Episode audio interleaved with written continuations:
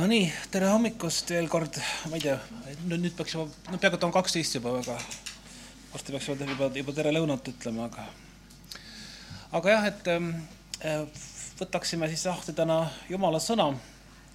ja kui seda keegi tahab seina peale näidata, siis on põhitekst on meil Tiituse kiri ähm,. Tiituse kiri, Pauluse kiri Tiitusele veel täpsemalt jah, et äh, et see on üks neist eh, kolmest nõndanimetatud karjase kirjast, mida Paulus on üldse kirjutanud, eh, kus ta siis eh, pöördub kui pastor, kui karjane, siis Eesti, kaks tükki on siis kirjad Timoteusele ja kolmas on siis kiri Tiitusele. ja kui võib-olla üldse mingit pealkirja sellele teemale täna panna, siis võiks pealkirjaks olla, et milleks see kõik jah, tõepoolest, et eh, milleks, milleks see kõik, eh, kogu see elu siin meie ümber ja, ja mulle kuidagi tundub, et just Tiituse kirjas on eh, Paulus hakanud nende teemadega tegelema. ja võib-olla on siin ka niisuguseid meile julgustust ja, ja, ja ka hoiatust selle kohta siis, kuidas edasi minna, kuidas eluga edasi liikuda, mis on üldse elu mõte ja põhimõte et kui me küsime üldse, mis, on elu mõte, siis sellele ei ole ilmselgelt ühte selget vastust vaid äh, sõlt-, noh, see sõltub, eks ole, et, et äh, missugust elu me selle all mõtleme, et äh, võib-olla bioloogilises mõttes on meie eesmärk siin ellu jääda ja, ja, ja, ja lapsi saada.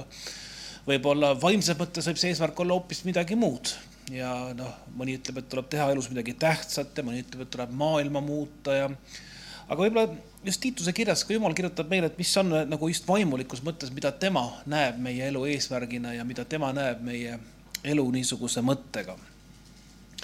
ja Tiitus oli siis äh, üks Pauluse kaaslastest. Apostlite tegudest teda muideks ei mainita mitte kordagi, küll aga mainib Paulus teda korduvalt oma, oma kirjades kui tema lähedast kaaslast. ja kui te teate, ta oli pärit Eestimaalt, tema nimi oli Tiit, aga ladinapäraselt oli ta Tiituseks siis muudetud. okei okay,, kõik ei tasu uskuda, mida kantslis kuuled, eks ole aga mine tea, mine tea, tõestage vastupidist, et ta ei olnud Eestimaalt pärit, jah.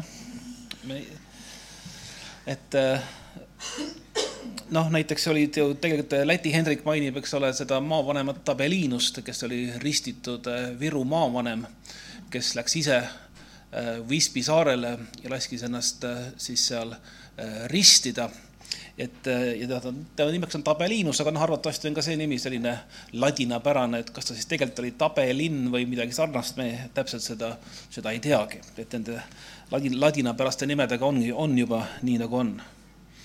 vahel ju vaieldakse ka selle üle, et, et kuidas Jeesuse nime peaks ütlema, et kas tuleb Jeesus öelda või hoopis ladinapäraselt Jeesus või hoopistükkis heebreapäraselt Yeshua või mis nüüd siis õige on, eks ole. mis Yeshua on õige? Või, või siis Jesus ja, ja Hispa-, Hispa-, Hispaania maailmas öeldakse, öeldakse, öeldakse Jesus. Äh, aga jällegi noh, arvatavasti jumalal ei ole vahet, kui, et mis päraselt me teda nimetame, kas eestipäraselt või hispaaniapäraselt või, või äh, kreeka või ladinapäraselt, ta tegelikult äh, saab meist aru küll. ma olen sellest siiralt veendunud, et Jumal saab meist aru, kui me temaga räägime jumal on maailma parim keeleoskaja, ta oskab kõiki maailma keeli. aga kui te, kui me vaatame seda kirja Tiitusele, siis äh, hakkab see peale nagu ikka alguses niisuguse Pauluse tervitusega, ma ei hakka võib-olla seda kõike ette lugema, et, et, et siin on ta, nagu ikka, ta alustab äh, tolleaegse maailma kohaselt niisuguse pika ja meie tänapäeva mõistes äh, lohiseva tervitusega täna, kui me kirju kirjutame, siis äh, paljud ei viitsi enam teregi kirja algusesse enam panna, vaid no mina, mina olen üks neist, kes on igasuguse, kes läheb kohe asja juurde. jah, et see oli üks niisuguseid kogemusi, mida Briti ohvitserid jagasid, et mida nad Eestis on kogenud, et, et, et no noh, Inglismaa on harjunud, et ikka tuleb alustada sellega, et tere, kuidas läheb, kuidas ilm on, kuidas naisel läheb, kuidas lastel läheb. aga et Eesti ohvitserid ütlevad, et tere, nii, milline meie lahinguplaan siis on? et et, et small talk'is me oleme väga viletsad, aga, aga, aga noh, eriti antiikmaailmas oli seda niisugust viisakuse algusel olid, olid väga olulised ja ka siin on omad enda vaimsed tõed, aga ma lihtsalt ei jõua neid kõike täna võtta.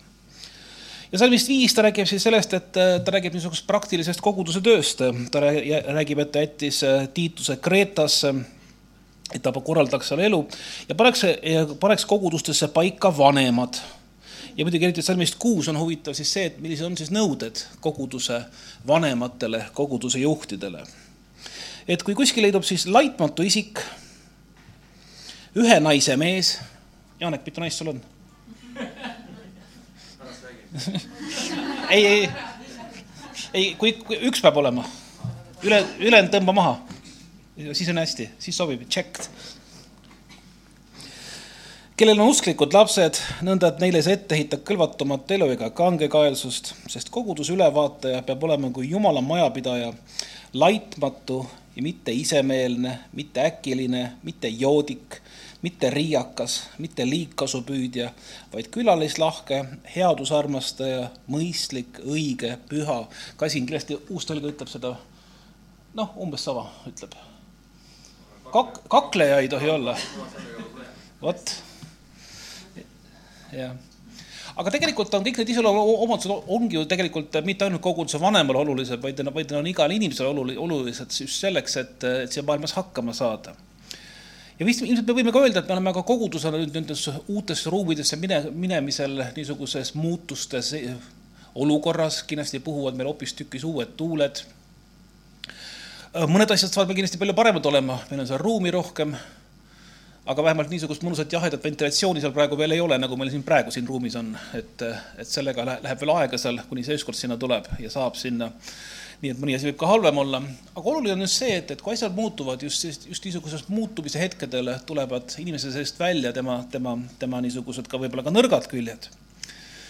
ja ähm, noh ma usun, et nii, nii piibel kui ka kaasaegne psühholoogia ütleb seda, et, et mida teha nõrkustega. Seda ka, aga tegelikult öeldakse ka tänapäeval, et pigem nõrkused tuleb kompenseerida oma tugevustega. nii et, et sa pead, kui sul on mõni nõrkus ja sa tead, et see on su nõrkus, siis võib-olla ta jääbki su nõrkuseks, aga sa saad seda kompenseerida oma, oma tugevusega. me just arutasime koolis, meil oli selline traagiline aasta lõpp seal noh, selles mõttes traagiline, et, et mingi neli gümnaasiumiõpilast, noh, ütleme viisakalt siis arvati välja koolist seoses halbade hinnetega. muidugi Eliisa arvati nüüd ka välja põhimõtteliselt, et kuna tal on kooliaasta läbi, aga, aga kui Eve lõpetas oma ülikooli, siis alustas rektor kõnet, et käskkirjaga number see ja see, immatrikuleerin järgmised üliõpilased seoses lõpetamisega aga jah, aga ühesõnaga, miks ma tahan sellest rääkida, on see, et, et jah, et veel neli õpilast arvati välja ähm, ja tegelikult me pärast arutasime ka, et, et mis on see probleem seal. Ja tead, me mõtlesime, et tead, kui sa oled äh, tark ja ülbe, võid sa elus kuskile jõuda. kui sa oled loll ja usin, võid sa elus kuskile jõuda. aga kui sa oled loll ja ülbe, siis ei jõua mitte kuskile. ja nende õpilastega natukene sinnapoolele läkski, eks ole ja oluline on, ongi see, et, et just niisugustes äh, muutumishetkedes me peame jälgima, et need nõuded siin kindlasti ei ole mitte ainult koguduse vaimulikele, vaid noh, ikkagi ju põhimõtteliselt me eeldame kõikidelt niisuguseid asju. et me ei oleks kaklejad, et me ei ole noh, noh, võib-olla me ei ole, me ei mõtlegi selle füüsilist kaklemist niivõrd, kuivõrd me mõtleme just tülitsemist. nii kerge on ju näha alati seda teisest seda, mida ta valesti teeb see on maailma kõige kergem asi ja Jeesus ütleb seda, et kuule, et sa näed palki teise silmas vabandust, sa näed pindu teises silmas, aga palki enda silmas ei näe. Ja kui sa näed palki teises silmas, siis enda silmas, sa ei näe metsade, mis, mis sinna, mis sinna pandud on võib-olla juba. nii et, et, et see on väga oluline kogu aeg hoida seda, et, et kui me niikaua, kuni meil on koguduses üksmeel ja, ja selline vastastikune austus, nii kaua me jõuame kuskile ja niipea, kui me selle kaotame, ei jõua me enam üldse mitte kuskile ja ütleb siin ka niimoodi, et ah, kus me jõudsimegi? jah Äh, et oleks, pidagu ustavalt sõnast kinni vastavalt õpetusele, et ta oleks võimeline nii hästi manitsema terves õpetuses kui ka kummutama vasturääkijate väited. no eks nende vasturääkijatega on ka ju see, et, et me ei jõua ju vaielda kogu maailmaga alati, aga, aga kui meil on vaja koguduses mingisugune asi paika panna, siis me sellest ka räägime ja, ja selle paika paneme. sellest on olemas palju kangekaelseid ja tühja jutu mehi, võib-olla ka naisi, ma ei tea, ja eksitajaid kõige enam ümberlõigatute seas, kelle suud tuleb sulgeda. üks nendest nende oma prohvet on ütelnud, kreetalased on luiskajad, õelad loomad ja laisklejad vatsad. kuidas uustõlge ütleb? tigedad loomad, laisklejad vatsad. kusjuures tegemist on ju tegelikult paradoksiga, kui kreetalane ütleb, et kreetalased on luiskajad, kas ta siis luiskab sel hetkel? jah nii et, et jah, et, et see on üks niisuguseid toredaid teoloogilisi paradokse, mille üle on vai, teoloogid vaielnud aastasadu, et kui kreetlane ütleb, et kreetalased on luiskajad, siis kas ta luiskab, vot. see tunnistus on tõsi, sel põhjusel noomi neid karmilt, et nad oleksid usult terved, ei hooliks juudi müütidest ega tõele pööranud inimeste käskudest. noh, siin tehes koos öelda ka seda, et, et aetakse taga neid äh, äh, tõest eemale pöörduda inimeste kät-, käske. tegelikult on ju väga palju, eks me ka ise mingil määral loome mingisuguseid äh, arvamusi ja käskusid, mida ju tegelikult meil jumala sõna alusel ei ole, aga mõnikord nad on meie jaoks muutunud nii pühaks, et, et noh, teisiti ei saa. noh, ma ei tea, kas või oma, oma liturgia, miks me alustame ülistusega, lõpetame jutlusega või palvega, võiks ju teha vastupidises järjekorras. mis juhtub, jah ei tea, aga äkki siis on, äkki lõpeb see katastroofiga. alustame kohvilauaga üldse, jah. jah, või eks ole ju noh, tuled kirikusse ja keegi istub sinu koha peale, ajab vihale ju küll, eks ole. meil on koolis välja kujunenud õpetajate parkimiskohad ja aeg-ajalt keegi pargib valesti, ajab ikka vihale küll. minu koht on vasakul kolmas, kolmas koht aga aeg-ajalt mõni tola pargib seal ja siis on kohe tunned, et päev on rikutud kohe. jah, aga noh, jälle, jällegi noh, niisugused väiksed asjad ongi need, mis tihtipeale tekitavadki inimeste vahel lõpuks tülisid ja probleemesid, mis iseenesest ju ei tähendagi mitte midagi, aga kui nad kogunevad ja kogunevad, siis nad, siis nad rikuvad meie üksmeele ja, ja, ja nagu ma ütlen uuesti, kui me ei suuda leida üksmeelt, siis võime sama hästi ka laiali minna ja üks niisugune väga oluline, minu arust üks aluseline, me jõuame veel meie selle peateemani üldse välja veel, aga oluline lause on see, salm viisteist. puhtaile on kõik puhas, aga rüvedaile ja uskumatutele pole miski puhas.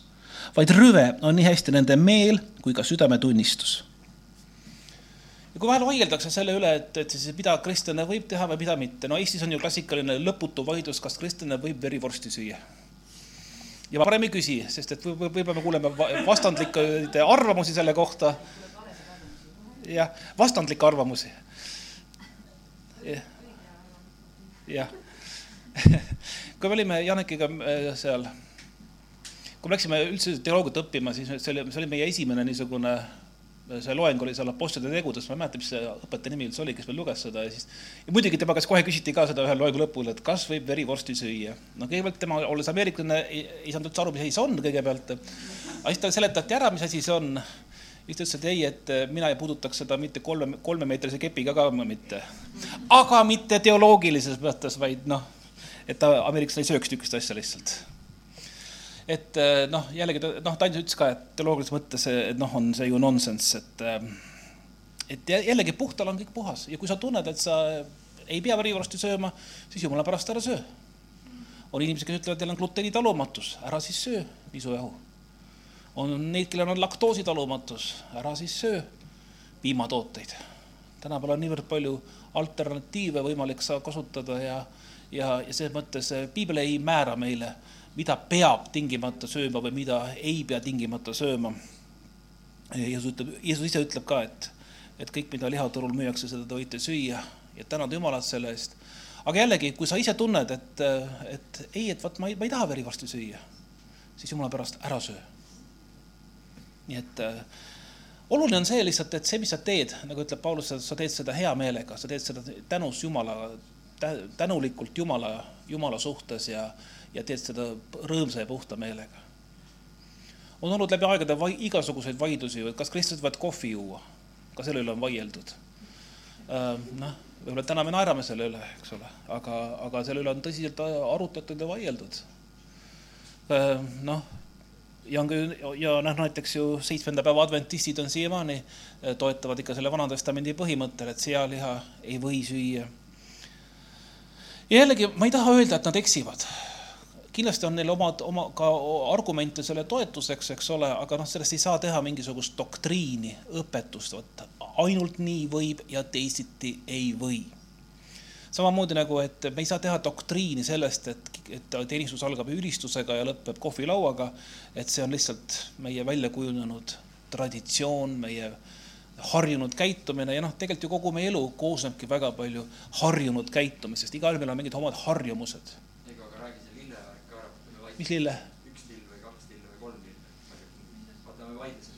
ja no selles mõttes, et kust see on? lihtsalt nii traditsioon, et elusale inimesele kingitakse paaritu arv lilli ja surnud, surna sur,, matustele tuuakse paaris arv lilli. miks see nii on, ma ei tea. ka täitsa vaata, et lambist asi jube oluline on, kust see tuleb, kust see tuli? ei tea, see on mure. Sul on ka mure. aga kõige lihtsam on see, kui sa tood sünnipäeval kol- kolm lille ja matustele tood neli lille ja kõik on korras. aga kui ma toon nii palju, et ei saa ära lugeda, kas on paaris või paaris, mis siis? siis läheb, istud maha, hakkad lugema. jah no mi, miks on või noh, üks, üks asju on ju palju, mille, mille üle on olnud noh, neid vaidlusi. võib-olla tänapäeval me kujutame ette, et laulatus on mingisugune väga vana kristlik traditsioon, aga tegelikult, tegelikult ei ole. Tegelikult jõuavad laulatused kirikutesse alles kusagil kesk, keskajal alles ähm,. laulutus oli oluline kindlasti, see oli, aga see oli alati leping kahe perekonna vahel ja kutsutakse siis alati jumal tunnistajaks, nii et enamasti enamik niisuguseid laulutusi tehti kodudes. nii et alles kuskil keskajal kolisid laulutused üle kirikutesse, nii et, et see pole sugugi ka äh, nii ür, ürgvana komme. Ja siin, siin, kui me, kui me loeme edasi, tuleb ka teisi niisuguseid äh, teemasid, mille üle võib, võib mõtelda salm kuusteist, nemad väidavad, et nad tunnevad Jumalat, aga tegudega nad salvavad, nad on jälgid, sõnakuulmatud ja igaks teoks kõlbamatud. ega ole ühelegi heale teole kõlblikud. aga sina räägi seda, mis sünnib ühte terve õpetusega. vanad mehed, kes tõstab käe? ei tõsta keegi no tegelikult tasub, tasub ju mõelda selle peale, et antiikmaailmas neljakümne aastast meest loeti juba ürgvanaks meheks. selles mõttes, et kuna keskmine eluiga oli ikkagi noh, circa kuuskümmend aastat, siis ikka nelikümmend tähendas seda, et sul pidi olema selleks ajaks juba elu paigas juba ja perekonnad loodud ja lapsed juba enam-vähem suureks kasvatatud. noh, võib-olla mitte suureks, aga vähemalt sul pidi elu käima juba noh, arvatakse, et noh, tollal oli ju kombeks, et mehed olid umbes kolmkümmend, kui nad abiellusid, naised umbes kaksteist kuni viisteist, kui nad abiellusid. tänapäeva mõistes on see, noh, kõlab ju väga kummaliselt ja perversselt lausa. aga antiikmaailmas oli see ju tegelikult selles mõttes väga praktiline. nimelt kolmekümne aastane mees on omale lõpuks saanud ameti ja suudab oma peret ülal pidada samas kuu, kuu, noh, neljateist, viieteistaastane, kuueteistaastane naine oli juba võimeline sünnitama, nii et see, mis oli kõige olulisem, oli just selles, selles eas neil olemas. nii et arvataksegi, et, et Jeesuse maine isa Joosep võis ollagi umbes kolmekümnendates ja, ja Maarja, noh, mitte üle, mitte üle kuueteistkümne. et niisugune huvitav, niisugune huvitav fakt võib-olla see on ka põhjus, mikspärast täiskasvanud Jeesuse elus enam Joosepit ei mainita, ta on arvatavasti surnud selleks ajaks juba, aga Maarja on veel täitsa, täitsa tegutseb, Maria. salm kolm ja see mulle, see on väga hea salm. samuti käitugu elatanud naised nõnda, nagu on kohane pühadele, ärgu olgu keelekandjad ega suured viinavõtjad. ei no me vaatame ikka vana tõlge, õiget tõlget ikka ju nii et kuidas teil see viina võtmisega lood on, kes? mis, keegi laulab midagi? ahah. Fredi, sul mängib midagi seal? ahah. Ja noh, jah, et, et loomulikult tegelikult on vein on, vein on selles mõttes õige, et antiikmaailmas kangeid alkoholi ei tuntud üldse. kange alkohol jällegi on üks keskaja keskaja leiutisi ja, ja noh, kõige naljakam on see, et siis kanget alkoholi hakkasid pruulima just nimelt mungad, Iiri mungad kloostrites hakkasid viskit ajama. viski tähendab tõlkes eluvesi. Aga jah, et vein, või isegi midagi õlle moodi oli, oli antiikmaailmas tavaline ja, ja siin ka Paulus maitseb olema sellega ettevõt-, ettevaatlik. samas tuleb tunnistada seda, et, et puhast vett ju ei joodud, sellepärast et puhas vesi soojas kliimas riknes niivõrd kiiresti, et see oli noh, joomine oli, oli eluohtlik ja noh, niisugust äh, klooriga vee puhastamist ju tollal ka ei tuntud, nii et äh, enamik inimesi, ka lapsed kaasa arvatud, jõid tavaliselt vett, mis oli segatud veiniga et nad võiksid mõistlikult juhatada noori naisi, armastama mehi ja lapsi, olema viisakad, kasinad, majatalitsuses hoolikad, eh, head, allaheitlikud oma meestele, et jumala sõna ei pilgataks. samuti käsi nooremaid mehi käituda viisakalt ja sea kõigepealt iseennast igatepidi heategude eeskujuks, õpetuses osuta selgust, ausust, tervet vääramata sõna, et vastane tunneks häbi orja käsi jalistuda oma isandale ja olla kõiges nende meele järele ja mitte vastu rääkida, mitte näpata, vaid osutada täita head ustavust, et kaunistada kõiges Jumala meie õnnistegija õpetust. Karl Marx kritiseeris selle tõttu Jumala sõna väga palju, et, et see eh, õhutab orjadel mitte eh, vastu hakkama oma isandatele. aga miks, aga miks, miks piibel kirjutab niisuguseid asju, niisuguseid asju üldse? No arvatavasti sellepärast, et, et tegelikult ju piibel keskendub inimese vaimsele äh, olemusele ja, ja, ja igavikulisele e, elule. Ja selles mõttes, igaviku mõttes pole ju vahet, kas sa oled maa peal ori või kuningas, igavik sõltub ikkagi täpselt samamoodi sinu tegudest, sinu olemistest. Ja selles mõttes piibel ei keskendu niivõrd palju niisuguse maapealse suure karjääri äh, rajamisele hiljem siin, siin räägitakse ka sellest, et kuidas mitte vastu hakata valitsejatele, mida piibel selle all mõtleb. piibel ei mõtle selle kindlasti seda, et tuleb leppida kõigega, mida ülalt öeldakse. sest et juba algkristlased või, või juba Peet-, Peetrus ja, ja äh, kes olid, kes ütlesid, et mis on õigem, kas kuulata Jumalat või kuulata teid ja kui puhkes kristlaste taga, tagakius sellepärast, et nad, siis miks ta puhkes? eelkõige sellepärast, et kristlased keeldusid austamast Rooma keisrit kui Jumalat. Nad ütlesid, et me võime makse maksta, me võime äh, mida iganes teha, aga meie keeldume teda kummardamast kui Jumalat. esimesel sajandil juba nii keiser Nero ajal kui ka hiljem äh, siis viidi sisse seadus, et igaüks on vaba kummardama mis Jumalat tahes, kui ta kummardab ka keisrit. kristlased ütlesid, et ei lähe mitte. meie keeldume.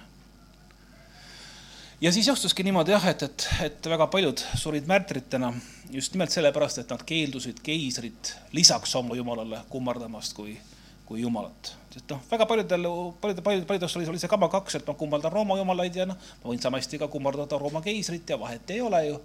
aga kristlasteks oli vahe väga tõsine ja nemad sellest keeldusid ja see, kus ma tahtsin tegelikult jõuda, ongi see, see pealkiri, et milleks see kõik. salm üksteist. sest Jumala õndsaks tegev arm on ilmunud kõikidele inimestele. vaatame, kas uus tõlge ütleb. jah, Jumala arm on ilmunud päästvana kõikidele inimestele. Jumala arm on kõikide inimeste jaoks saadaval ja see on nüüd see, selles mõttes on see, see niisugune universaalne võimalus kõikide inimeste jaoks, ükskõik mis rahvusest või soost või vanuses või mis nahavärviga ta on, Jumala päästev arm on kõikide inimeste jaoks. ja selles mõttes ma, ma olen siiralt veendunud, et Jumal annab selle päästva armu võimaluse kõikidele inimestele. aga inimene peab tegema oma elus teatud valiku kas ta tahab seda või ta ei taha seda. ja see on selles mõttes kummaline, ma mäletan, et ma kunagi, kunagi kellegagi rääkisin need teemad ja ta mõtles, et aga miks ma pean üldse, miks, miks jumal käsi mul midagi valida. noh, see on umbes nagu, see on nagu olukord, et kui sa oled uppumas ja sulle visatakse päästerõngas, on sul valik, kas sa võtad sellest rõngast kinni või ei võta. ja noh, siis keegi ei saa sind sundida sellest kinni võtma, kui sa kui sa keeldud sellest kinni võtmast. ja samamoodi on ka ilmselt ka just meie vaimuliku olukorraga, et me oleme justkui uppumas, me oleme suremas, me oleme patu ja surma all kinni ja Jeesus tuleb ja maksab ükskord ja lõplikult selle hinna meie eest ja ütleb, et ma pakun sulle seda tasuta. mis sa teed sellega, mis sa teed selle pakkumisega? kas sa võtad selle pakkumise tema käest vastu? kas sa võtad sellest päästerõngast kinni, mis sulle visatakse? Jumal ei pressi seda päästerõngast sulle ümber, vaid ta ütleb, võta, siin see on. sina pead käe välja sirutama ja vastu võtma. mäletate seda Sikstuse kabeli maali, kus just ja see on huvitav, kui sa seda maali vaatad, et kuidas Jumal on just nagu see aktiivselt välja sirutuv ja inimene on kuidagi niimoodi noh et ta niimoodi kuidagi niimoodi noh, passiivsemalt välja sirutamas, aga see oma, aga ma usun, et Michelangelo seal tabas ära just selle tõsiselt selle tõe, et Jumal on tihtipeale just see aktiivsem pool, et meieni jõuda, et meist kinni võtta, et meid päästa, et meid aidata. me ise oleme vahel need, kes noh, hea küll no. ja kasvatab meid, et me hülgaksime Jumala kartmatu elu ja maailma himud ning elaksime äh, mõistlikult ja õieti ja jumala kartlikult praegusel maailma ajastul. ja Paulus annab endale aru, et, et see ajastu, kus me elame nii kaks tuhat aastat tagasi kui ka täna, see on ajastu, mis on täis pattu, mis on täis äh, jumala seaduse rikkumist, kus jumala, jumala seaduste rikkumist loetakse mõnikord lausa millegiks väga heaks ja positiivseks, kus seda, kus äh, kus tõesti hullumeelsus on mõnikord normaalsuseks loetud ja normaalsust loetakse hullumeelsuseks. ja siin ta ütlebki, et siin tulebki seista kristlastena igapäevaselt.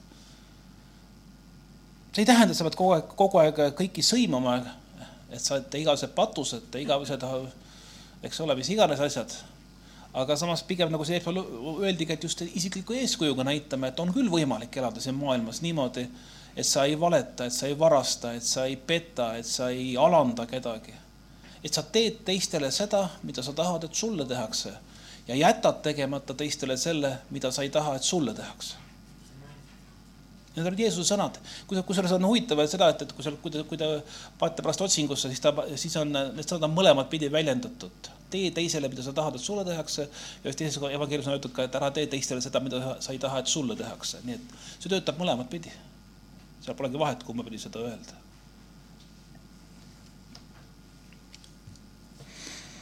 oodates õndsa lootuse täitumist ja suure Jumala ning meie õnnistegija Jeesuse Kristuse auhiilguse ilmumist. nii et algkogudus juba kaks tuhat aastat tagasi ootas, et, et Jeesus võiks saada avalikuks. me oleme oodanud siin nüüd jah, circa kaks tuhat aastat ja, ja me pole veel kõike veel näinud aga see ei tähenda, et meie ootamine peaks kuidagi raugema. noh, me oleme siin selle, selle rääkinud, et kuidas vanasti teenistused lõpetati alati, et kui issanda tulemine viibib, siis kohtume järgmisel pühapäeval. iseenesest on see ju tegelikult tore mõte, eks ole. et me ei tea, millal ta tuleb, aga samas, kui, kui viigipuu, kuidas öelda, kuidas on öeldud õitsema hakkab, me teame, et tuleb mingi muudatus nii et võib-olla on ka, ka, ka praegu me näeme maailmas märke, et, et äh, muudatused on toimumas. kas Jeesu tulek on täna või tuhande aasta pärast, sellel ei olegi ju suuremat vahet. meie elu peaks olema tehtud niimoodi, et me oleme selleks valmis. ja, ja väga tihti me nagu kuidagi mõtlemegi, et nojah, et tuleb, siis tuleb, eks ole, et noh, ma ju olen ka, olen kristlane ja mul on enam-vähem hästi üks, üks, üks, üks vaimulik hiljuti, kellega ma vestlesin, rääkis üks huvitava nägemuse, mida ta oli näinud.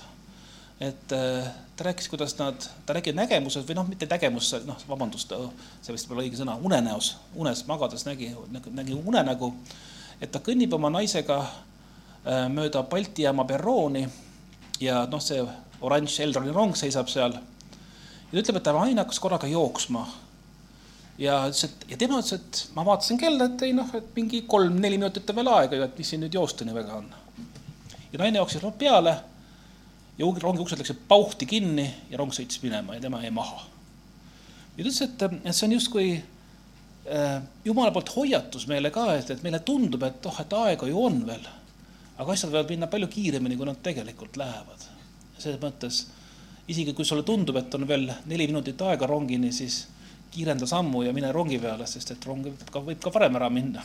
aga noh, ütleme eelronirong võib-olla ei lähe varem ära, aga, aga meie vaimulik rong võib küll varem ära minna. ja võime asjadest ilma jääda. nii et, ähm, et ärme kunagi mõtle, et meil on veel aega, küll me küll jõuab, võib-olla, et ei jõua ma olen, ma olen sellest, ma olen sellest võib-olla isegi rääkinud varem, aga mul oli üks äh, sugulane kellel, ma mäletan, et me ühel sünnipäeval hakkasime talle rääkima evangeeliumit ja ta oli väga huviga kuulas ja kuidagi noh, nagu peaaegu et jättis kogu selle ülejäänud sünnipäevarahva nagu oma peale, ta tuli ja rääkis meiega ja me rääkisime evangeeliumit ja, ja siis me lahkusime tema juurest ja jutt jäigi, et järgmine kord saame kokku ja räägime veel põhjalikumalt.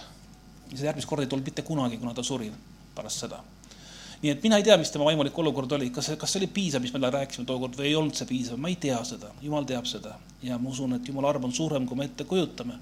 aga et rongid võivad vahel palju kiiremini ära minna, kui me üldse arvame või, või, või tahame. et selles mõttes hoiame oma aega, nagu ütleb Paulus ühes kohas, et pidage aega kalliks, pidage, kasutage aega targasti. sest et kuigi meile tundub, et rongini on veel aega, võib juhtuda, et rong juba läheb ja ka tegelikult on kogu see lõik siin peatükis äh, kaks salmist üksteist kuni, kuni neliteist äh, kokkuvõte sellest, milleks see kõik, mis on meie elu mõte. oodates õndsa lootuse täitumist ja suure Jumala ning meie õnnistegija Jeesuse Kristuse auhiilguse ilmumist, kes siis enese andis meie eest, et meid lunastada kõigest ülekohtust ja puhastada enesele päris rahvaks, kes on agar tegema häid tegusid. innukaks headele tegudele. seda räägi ja manitse ja veena nõudlikult, ükski ärgu alahinnaku sind, keegi ärgu põlaku sind. nii et, et tegelikult need kolm salmi siin ongi see kokkuvõte, et milleks see kõik. meid on kutsutud kogema Jumalat, meil on kutsutud kogema Jumala armu, mis on sa vabalt saadaval kõikidele inimestele mis aitab meil muuta, aga koos sellega tuleb ka teatud kohustus meil äh,. Äh, oleme, peame lahti ütlema jumala kartmatusest, ilmalikest himudest. noh, võib-olla kui me vaatame vaimuviljasid, siis me näeme, mis on see, mis me, mis vilja me peaksime kandma, see on täiesti teine teema juba ja teine jutlus. ja lihateod on ilmsed, ütleb seal ju, mis, mis, mis olid, saate kodus vaadata, et äh, et need kõik on need, mis meid Jumalast eraldavad ja ära lõikavad ja vaimuviljad on kõik see, mida me endast välja anname, kui me oleme Jumalaga ühes. iga liik kannab vilja oma liigi järele. koerale ei sünni kassipoegi ja samamoodi, kui sa oled Jumalas, siis sinu vili on see, kes on Jumala olemus. me ma kunagi, kunagi vestlesin ühe inimesega ja, ja, ja siis noh, ta oli sihuke natuke raske iseloomuga inimene ja, aga tema ütles mulle, et ja, et ma olen veendunud, et jumal ongi mind kutsunud olema teistele inimestele testiks. no kuna Jumal ise pole kellelegi testiks, siis ma sügavalt kahtlen selles arvamuses äh, ja, ja selles vastuses, et äh, Jumal ei kutsu, ei ole kedagi kutsunud olema sigatsema teiste arvel või halvasti ütlema neile ilma põhjuseta, selleks, et neid kuidagimoodi testida. pigem vastupidi, kui me vaatame kas või Hiiobi raamatut, kus siis Hiob, Hiobi sõbrad tulevad teda süüdistama, et noh, küllap sa ikka kuskil midagi valesti tegid. siis tegelikult ju raamatu lõpus äh, on see moraal see, et need sõbrad mõistetakse hukka. et ära, ära mine otsima teisest neid asju, mida ta valesti teeb. ja jumala olemus ei ole see, et otsib sinult, mida sa valesti teed on kristlasi, kes elavadki niisuguses ootuses, et, et noh, kohe-kohe Jumal nüüd lajatab mulle jälle millegiga. ja kõik õnnetused, mis on elus juhtunud, on Jumal visanud mul tee peale, et mind testida. aga me ju teame seda, et lapsevanemana me ei testi oma lapsi sellega, et me, ma ei tea, murrame neil jalaluud ära ja vaatame, kuidas nad hakkama saavad. või, või et äh, jaa, mingil määral me, me, me, me, me testime oma lapsi küll, aga pigem anname neile siis võimaluse näidata seda, mida nad on õppinud ja, ja, ja kuidas nad saavad hakkama ja, ja et me, ükski test, mida lapse, armastav lapsevanem teeb oma lapsele, ei ole see, mis last hävitab, purustab või maha, või maha kisub. Nii et kui oleme siit edasi, siis äh, võib-olla siin on nüüd väga, noh, see on üks paljudest kohtadest jumala sõnas, kus on hästi kokku võetud, et milleks see kõik. Just nimelt selleks, et, võta nõks tagasi veel korraks.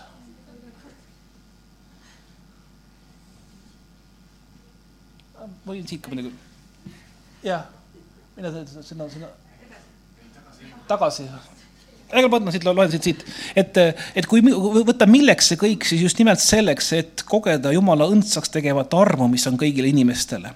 et meid kasvatada, et me hülgaksime Jumala kartmatu elu ja maailma himud ning elaksime mõistlikult ja õieti ja jumalakartlikult praegusel maailma ajastul, oodates õndsa lootuse täitumist ja suure Jumala ning meie õnnistegija Jeesuse Kristuse auhiilguse ilmumist, kes on iseenese andnud meie eest, et meid unastada kõigest ülekohtust ja puhastada enesele päris rahvaks, kes on agar tegema häid tegusid. nii et kui keegi sul küsib, et mis on elu mõte, siis võtad lahti Tiituse kaks üksteist ja loed need kolm salmi, neli salmi ette aga jah, et kui me läheme edasi kolmandasse peatükki, siis on siin öeldud, et tuletage neile meelde, et nad alistuksid valitsejatele ja ülematele ja oleksid sõnakuulelikud, valmis igaks heaks teoks, ei laimaks kedagi, ei oleks riiakad, vaid leebed, osutades kõike tasadust kõikide inimeste vastu. nii et ma kordan üle, et see ei tähenda, et sa pead igasugust jama nii-öelda laskma endale eh, riigil või, või ülemusel pähe kallata. sul on õigus enda eest seista, aga ta ütleb siin seda, et aga jällegi pikas perspektiivis pole ju vahet, sest pikas perspektiivi all me mõtleme igavikku. igavik on päris pikk. olete mõelnud selle peale? igavik on tuhat aastat ja veel natuke. nojah, tegelikult igavik ongi see, et, et see on aeg väljapool aega. ma ei teagi, kuidas seda öeldagi üldse. see on elamine ilma ajata, elamine ilma aja väljapool, väljapool aega, väljapool ruumi, eks ole, mis on, mida Jumal on meile pakkumas. ja selles mõttes pole ju vahet, kas sa kasvad üles kommunistlikus riigis või kapitalistlikus riigis. igavikulises mõttes pole sellel vähimatki tähtsust. sa saad olla Jumala oma igal pool ja igal ajal. samas, kui riik nagu nõuab sult, nagu öeldud, keisri kummardamist, siis kristlased sellest loobusid ja ütlesid, et see ei, ei, ei sobi sest ka meie olime kord mõistmatumad, sõnakuulmatud, eksijad ja mitmesuguste himude ja lõbude orjad ning elasime kurjuses ja kadeduses. olime vihatavad ja vihkasime üksteist. aga kui Jumala meie õnnistegija heldus ja inimese armastus ilmus, siis ta päästis meid. ei mitte õiguse tegude tõttu, mida me oleksime teinud, vaid oma halastust mööda uuesti sünni pesemise ja püha vaimu uuendamise kaudu, keda ta on rikkalikult välja valanud meie peale Jeesuse Kristuse, meie õnnistegija läbi. jumal ei päästnud sind mitte sinu heade tegude pärast. tuhat üheksasada kaheksakümmend kaheksa sügisel ma istusin Oleviste kiriku tagareas ja seal kutsuti ette päästepalvele ja ma ei läinud kunagi, sellepärast et järgmine nädal või noh, see oli vist üle kahe nädala, et kahe nädala pärast, siis ma tulen ette. sest siis ma olen vähem suitsu teinud, siis ma olen püham inimene, teinud häid tegusid rohkem. Äh, ma ei tea, äh, mõtelnud häid tegusid, uurinud pühi tekste, ma ei tea, mida iganes ma, ma mõtlesin tol, tol ajal. ja ma ei läinudki kunagi ette, sest ma ei olnud kunagi piisavalt valmis selle jaoks. aga jumal, jumal päästis meid mitte läbi meie heade tegude, mitte selle läbi, et sa teed sel nädalal vähem suitsu või, või, või, või äh, ei ropenda või, või ma ei tea, loed piiblit rohkem või mis iganes. jumal päästis sind sellepärast, et ta armastas sind ja armastab sind ja saab, saab sind igavesti armastama.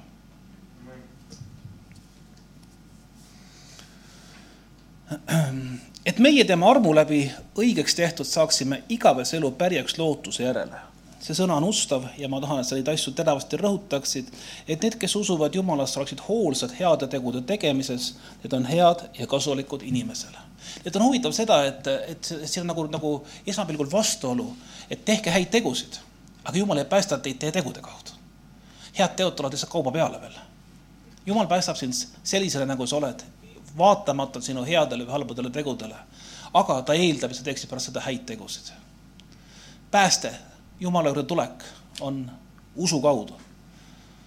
nagu ütles Martin Luther, sola fide, sola scriptura, ainult usu ja ainult Jumala sõna kaudu.